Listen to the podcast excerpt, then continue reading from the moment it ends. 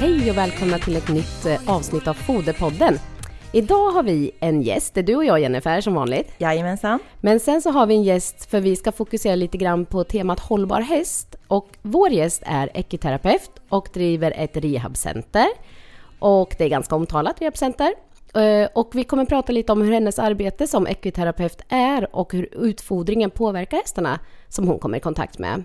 Och Monica som är vår gäst, Välkommen hit! Men tjena, hej hej! Hej! Vi tänkte att du får börja med att berätta lite mer om dig själv. Vem är du och vad har du för bakgrund? Eh, och lite grann hur länge du har arbetat med hästar. Ja, jag är ju då norsk från början. Så att jag har ju levt mitt första halva liv i Norge och eh, har en bakgrund med två föräldrar som är veterinärer och ridit sedan jag var pytteliten. Avslutade min karriär i Norge som landslagsryttare, som junior och jungrider. Flyttade till Sverige, utbildade mig till ekviterapeut och eh, mamma till två barn och har jobbat nu i över, ja, det är väl 22 år typ här i Sverige. ett tag. ja. Ja, och ni driver ju ett rehabcenter, du och Jörgen tillsammans. Ja, Och kan du berätta lite mer om er verksamhet? ja. Alltså vi har ju från början ehm, Alltså man har ju ganska mycket erfarenhet av att behandla hästar så att det är ganska och Jörgen har väldigt mycket erfarenhet av att träna hästar. Så att eh, när vi han har haft sitt rehabcenter, eller började, uppstartade sitt rehabcenter. Så när vi kom i kontakt med varandra precis i uppstarten där så slog vi våra kloka huvuden ihop och eh, har, ja, det samarbetet har gått väldigt bra. Ehm, och det är väl det som tror jag kanske är lite av konceptet för att vi ska kunna göra det. Att vi har eh, startat någonting som resulterar i ehm, Alltså man kan väl säga så här att ni har väl egentligen lite olika, alltså ni har uppbyggt, Ja. dels att du åker ju runt Ja. eh, och behandlar hästar även utanför själva rehabcentret och gör den grejen. Och sen har ni ett ganska stort cent- rehabcenter där ni faktiskt tar in och ställer upp hästar. Det kan vara hästar som ställs upp eh, om ägaren ska åka bort och inte vill att någon annan ska rida hästen. Så Exakt. Och hur många platser har ni på rehaben? Alltså vi har 17 platser som är till rehabhästarna och sen har vi 10 egna platser. Så 27 boxar totalt har vi. Ehm, och vi försöker ju hålla det på ja, 15-16 kanske så att vi alltid har någon form av lite akutbox om det skulle vara någonting till övers. Vi har ju också en, en veterinärklinik på stället så det är tre dagar, två till tre dagar i veckan finns det ju också veterinärer på plats så att det händer ju att det blir kvar någon häst. Och där kommer vi ju igen också igen, det jag försökte börja med att eh, just det här att samla lite kunskap, att vi har liksom hovslagare på plats, veterinärer på plats, eh, Jörgen som har tränat hela sitt liv på plats och, eh, och jag också. Så vi har ju ett, vad heter det? Ett bra team. Ett bra team, så att det ska vara liksom lite mera kompetens. Kan inte jag lösa någonting så kan jag alltid hänvisa till någon annan och, och så vidare. Så att eh, de flesta som kommer kan ju få lösningar på ett eller annat sätt. Um, sen Och- att, ja, Ja, nej, jag tänkte bara säga, och sen på själva remet, där har ni ju dels möjlighet, dels för ni har byggt ut den här delen för veterinärer, så ni har gångar man kan springa i och ni har ett fint ridhus där ni kan titta på hästarna. Ni har vattentrask eh, där hästarna tränas. exakt. Eh, så att, och det är ju det som kanske är kärnverksamheten på rehabcentret, är väl just kanske vattenträningen. Eh, sen Så är det liksom byggt upp kring liksom att vi kan träna dem i vatten och det är alltifrån hästar som precis har eh, ja, ganska rekonvalescenta efter operationer eller långvariga skador. Eller att som du sa, just att folk åker på semester helt enkelt och vill ha sin häst ja, någon annan form av träning. Liksom. Slippa sadel och träns och få jobba med lite andra muskler under en, en period. Stärka upp dem både i buk och rygg och framförallt bakdelen. Ehm, Så att alla hästar som, kom, som kommer till ett rehabcenter är ju heller inte sjuka. nej, exakt. Vi har hela spektret som sagt. Från, från ren sjukvård till ren friskvård. Mm. Hur många hästar skulle du säga att du behandlar i snitt varje vecka? Ja, det, ja vi hamnar väl på ungefär 20-25 hästar. Och då är det både så att man åker runt, jag har två dagar där jag åker runt till lite större stallar där man samlas ihop liksom och, och tar dem där så att man kan få en uppföljning. Um, annars så är jag ju, vi bor ju på stället så att vi har ju såklart hand om de hästarna som är hos oss och är till behandling hos oss och träning. Och sen kommer det hästar till rehaben som man behandlar. Och just när hästarna kommer och stallas upp på era rehab, hur tänker ni kring utfodringen då? Eh, för då kommer ju hästarna till en ny stallmiljö, nytt foder. Hur, hur gör ni då? Alltså vi har ju... Eh, Prio ett är egentligen att alla som kommer till oss eh, får sin eh, Irish Mash. Det är väl lite av grunden till det vi har sett. Och vi har under, som sagt, vi har hållit på nu snart i tio år och klarat oss väldigt bra just med tanke på koliker och, och sådana saker. Med tanke på att det är som du säger, det kan vara hästar som har varit i full träning som helt plötsligt blir stående och hästar som har stått väldigt långvarigt liksom och dålig cirkulation i kroppen. Eh, Så att magen är ju liksom A och O. Mm. Så att vi har ju, apropå det här med foder, så har vi varit väldigt glada för samarbete just med till exempel Hippolyt. Vi har ju provat väldigt mycket, men där finns det ju det mesta, för det mesta. Mm. Och vad har ni för utfodringsrutiner på centret? Hur... Vi försöker ha ett eh, hö med ganska, alltså en bra kvot men inte för höga värden. Så att de kan få ganska mycket mat egentligen, eller framförallt får de ganska ofta mat. De får 4 till fem gånger per dag. Och sen anpassas ju det också. Vissa hästar får ju ännu fler, fast mindre mål. Men eh, så att man kan äta, för det bränner ganska mycket liksom och kunna träna på som de behöver göra utan att de blir så ansträngda. Men det, det tar på mentalt också att jobba i, till exempel i vattnet och så, som de inte är vana vid. Ehm, Så just att de kan få tugga mycket, Mm. så att det inte är för starkt foder. Producerar ni ert eget grovfoder och så eller? Nej, vi, vi köper så att vi kan ha lite bättre koll på exakt vad vi har. Så att vi har ett foder till, till just rehabhästarna. Och sen har vi ett foder till våra egna hästar just för att vi har mycket unghästar och eh, avelston och, och så. Och tävlingshästar i på travet så att de får en annan typ av hö. Så att vi kan skilja på det. Så att Mm. vi, planen är att vi ska kunna ha eget hö så att vi kan verkligen så in och, och, och försöka få det vi vill. Men ja, det är lite för och nackdelar med både och. Och de här foderna som ni har, har ni analyserat de här olika partierna? Eller? Ja. Så det kan ni välja precis efter den hästtyp ni har? Ja. Men den, de hästarna som kommer till rehaben, de har ett särskilt hö med lite lägre näringsvärden så att ni kan fodra lite mer Ja, mängd lite, min, lite mindre energi, lite mindre proteiner så att vi kan fodra på proteiner på de som behöver det och hålla nere stärkelsen på de som behöver det. Mm. Vad har ni för typ av vattenförsörjning i stallet? Har ni vattenkoppar eller vattenhinkar och hur tänker ni kring det? Vi har både och, eller rättare sagt, på våra egna hästar så har vi vattenkoppar i, i det stallet som de står i. Eh, och eventuellt det kan vara att någon har hink där uppe om det, om det är så att det är något speciellt. Men eh, de som vi tar emot eh, i rehabstallet, de har vattenhinkar allihopa så att vi kan, de har inga vattenkoppar. Så att, de, eh, så att vi kan hela tiden se att de dricker och ha koll på dem. Eftersom de kanske ibland står de där en vecka, ibland står de där en månad. Men det är viktigt att få dem i, vi kan se att de dricker och att det funkar. I allmänhet så skulle du säga vad, som, vad är viktigt för dig när det gäller utfodringen av hästar? Både de hästarna som ni själva har i träning och de hästarna ni tar till rehabet och hästar som du faktiskt är ute och träffar då på olika stall runt om i Sverige. Vad tycker du är viktigt? Eh, nej men det är väl faktiskt att kunna ha en, eh, att man faktiskt har en analys på sitt hö.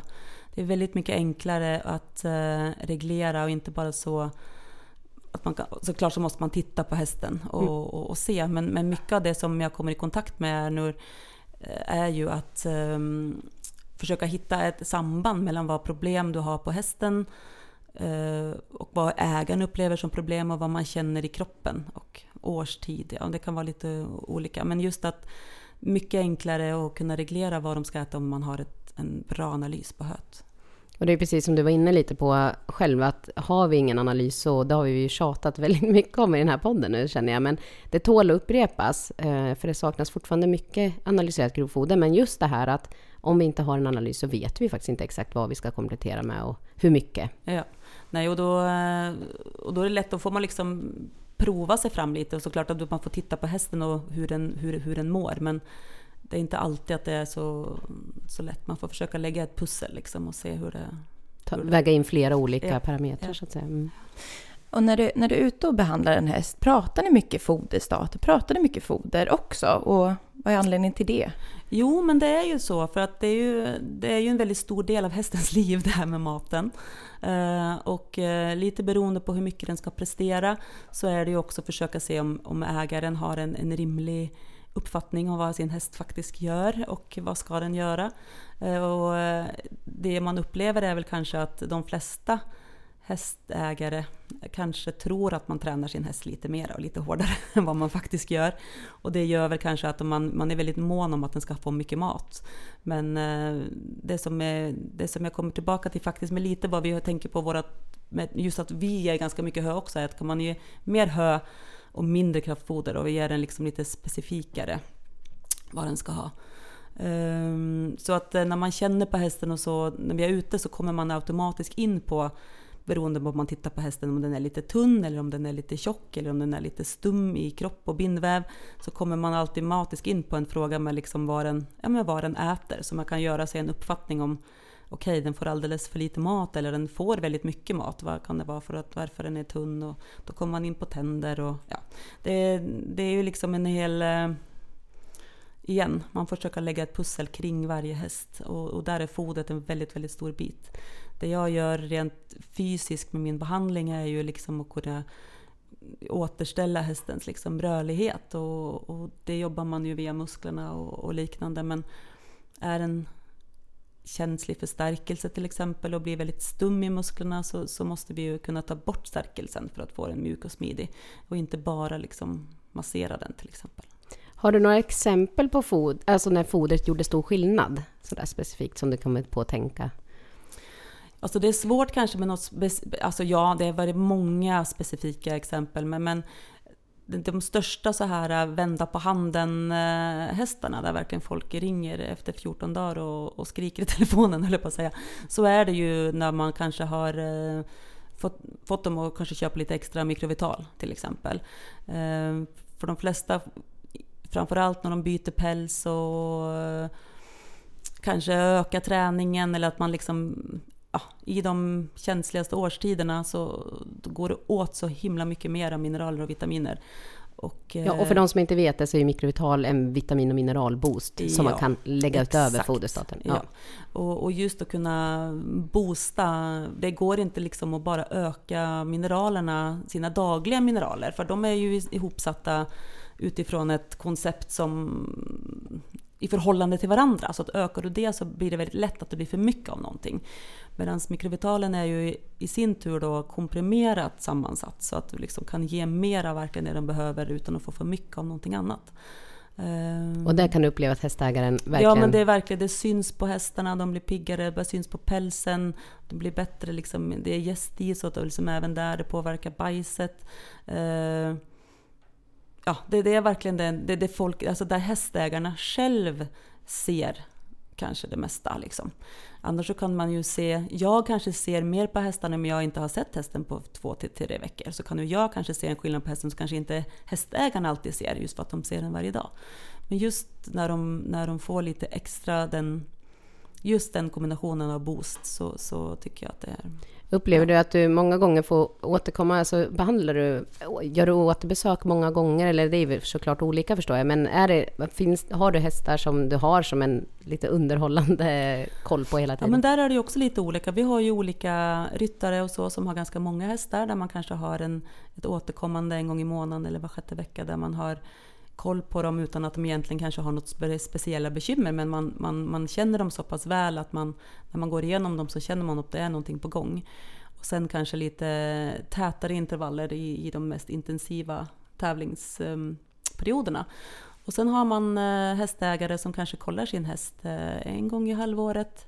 Och är det något specifikt då kanske man gör ett återbesök. Men jag kan tycka att om jag, är, om jag är ute och behandlar en häst som jag gör ett återbesök på och känner att jag kanske inte riktigt har fått den effekten jag vill ha. Vi tittar ju alltid på dem i rörelse och så liksom. Så att då är det kanske, ibland så kanske man får fram någonting som hästen har gått och skyddat och då får man ju helt enkelt eh, göra ett återbesök tillsammans med veterinären och, och se vad man har missat i så fall. Men eh, ja. Om vi säger att du kommer ut till en häst och märker att den är väldigt stel muskulatur, vilket du var inne på. Mm. Vad brukar, hur brukar diskussionerna gå? Eh, Ger du några rekommendationer? Och hur fungerar det då? Ja, ja men det är lite så. Är den, är den blivit stel om det är en, en ägare som har haft sin häst eh, länge och inte haft just det här specifika problemet tidigare så får man ju gå in på om man har ändrat någonting med maten till exempel. Vi kommer ju tillbaka med mycket med mat. Eh, Ja, det är ju en foderpodd. Ja, det är en foderpodd. Ehm, och då får man ju ta den varianten om den, oj, de kanske har bytt hö för fyra veckor sedan och, då kanske man, och de kanske inte hade analys på höet. Då kanske man kan misstänka att det är väldigt mycket mer energi i det till exempel. Att man då får, får ja, om de inte har analys, kanske får tag på en analys. Om det är svårt så kanske man får försöka hitta något annat hö som man kanske kan blanda med. Eller att man eh, kollar var, okej, de kanske har gett för mycket i samband med förra höet, att man får reglera kraftfoder enligt kanske nu då hur den reagerar på det här höet. Har den blivit trött och stel eller är den liksom pigg och stel? Um, ja, det är lite, men som sagt foderfrågorna kommer ju upp automatiskt. Sen kan det ju också vara då att om, om det känns i sin ordning så får man ju också gå in på, okej har den tränat annorlunda? Har man plötsligt gått från att rida inomhus till att rida utomhus? Att det är plötsligt väldigt mycket tyngre underlag? Att den då har blivit väldigt trött i muskulaturen av att gå med mycket mera mjölksyra. Så att det är också en träningsfråga. Så att mycket, mycket av mitt jobb kanske, det är ju att försöka klura ut orsaker till varför den är, är som den är och inte bara kanske åtgärda hur den är. Inte bara ta hand om själva symptomen Nej, utan alltså exakt. förebygga. Och Ja. Jag tycker också är väldigt positivt för att dels så har ju du mycket kunskap och eh, som du säger själv ställer mycket följdfrågor, försöker lösa var ligger problemet. Men jag vet ju också att du skickar vidare många hästägare till oss som jobbar som foderrådgivare där vi kan få gå in på djupet eh, och ta den delen så att man hjälps åt, precis som du nämnde i början, att ni har hovslagare, veterinärer, foderrådgivare som vi samarbetar med. Exakt. Ja. Så det tycker jag är väldigt positivt. Ja, men det är ju mycket där och jag tror att eh, foderbiten för mig eh, har kommit liksom på de senaste kanske 5-10 åren som en, som en faktor som man kanske inte som ryttare tänkte på lika mycket när man var yngre. Eh, nu är det en självklarhet, eh, men man får ju försöka gå till sig själv också. att eh, Nu känner man att man har träffat så många otroligt duktiga människor och försöka samla på sig så mycket erfarenhet. Och så därför försöker man skicka de här eh, ryttarna också ibland. Liksom. De har, det kommer ju till en punkt där man verkligen upptäcker, liksom, när man kommer in på detaljerna så är det ju verkligen en, en större fråga. Mm. Upplever du att många av dina kunder har beräknade foderstater och koll på vad de faktiskt ger sina hästar fodermässigt? Ja men mer och mer, mer och mer. Det, det är ändå, även fast vi tjatar om det här med höanalyserna så, så upplever jag ju ändå att, att flera ändå försöker. Man skyller ofta kanske på bonden eller liksom någonting sådär men, men eh, många är ju till och med själva ute på åkrarna när bonden slår och försöker fixa det liksom så att man inte kan skylla på bonden. Och, och det svåra är väl ibland när man står på stora stallar där det är många partier som byts och då, och då blir det lite så att nej, men vi, vi hinner ju knappt få höanalysen innan vi får ett nytt parti hö och lite sånt där. Och då, då får man ju försöka, som jag kom tillbaka till lite i början när vi pratade om att man kanske ger dem lite mera mash, att man verkligen ser till att magen tål dem så gott det går i alla fall, bättre, alla ändringar. Ja, när det blir mycket foderbyten. så, Foderbyten, ja men exakt. Ja. Eh, tycker vi har fått med väldigt mycket. Jag tycker vi har fått en inblick i ditt dagliga jobb som är jättespännande och jätteintressant område. Man skulle vilja lära sig mer om det själv känner jag. Jag vet inte hur du känner Jennifer. Absolut. Men om vi skulle avsluta lite med ditt bästa fodertips till våra lyssnare. Vad skulle du vilja skicka med då? Ja, men mitt bästa fototips igen, nu blir jag tjatig känner jag, men då, då kommer jag igen tillbaka till, till mashen. Och vi kör ju med något som heter Irish mash. Ehm, just för där har du levande ölgäst, linfrö, kli, mycket av det mm, braiga, om man säger så, om man inte ska gå ner på, på detaljer, eh, som, eh, som hästarna mår väldigt bra av. Och det kan man ge oavsett vilket foder man egentligen fodrar med. Eh, det kommer ju, de flesta märken har ju liksom sin egen, egen mash, men det är faktiskt skillnad på, på mash och mash också om man faktiskt går till botten där. Eh, men där kan man underlätta och, och förebygga mycket, just som du pratade om eh, foderbyten och stressade situationer lite med, med tävlingar och, och sådär. Och vi ser ju det också när vi, när vi får hästar till oss som då byter miljö också och får ett foderbyte. Många som kanske bara står kortare perioder står ju kanske har med sig eget hö och så så man slipper byta. Och folk är ju mer medvetna om det också att man inte bara byter hur som helst och att man, att man tar tid på sig när man faktiskt, faktiskt byter. Så det är väl också ett tips egentligen att man inte byter för för fort och ska man gå över på nytt hö att man introducerar det längre innan, inte bara ett par dagar men faktiskt över en vecka minst, gärna tio dagar. Det är jättebra tips Monica och jättekul att du vill komma hit idag. Ja, tack så jättemycket för att jag fick komma. Ja, och vi, om man är så att man vill ställa frågor, kanske dyker upp någonting som vi kan ta med oss till Monica och fråga som vi får ta upp i ett annat program, så kan man ju höra av sig till oss. Det kan man. Och då kan man antingen ringa på 0413 486 100 eller så, Mailar man oss på info men då tackar vi för oss för den här gången. Ja, och tack, Tack Monica. så mycket. Tack så mycket. Hej. Hej.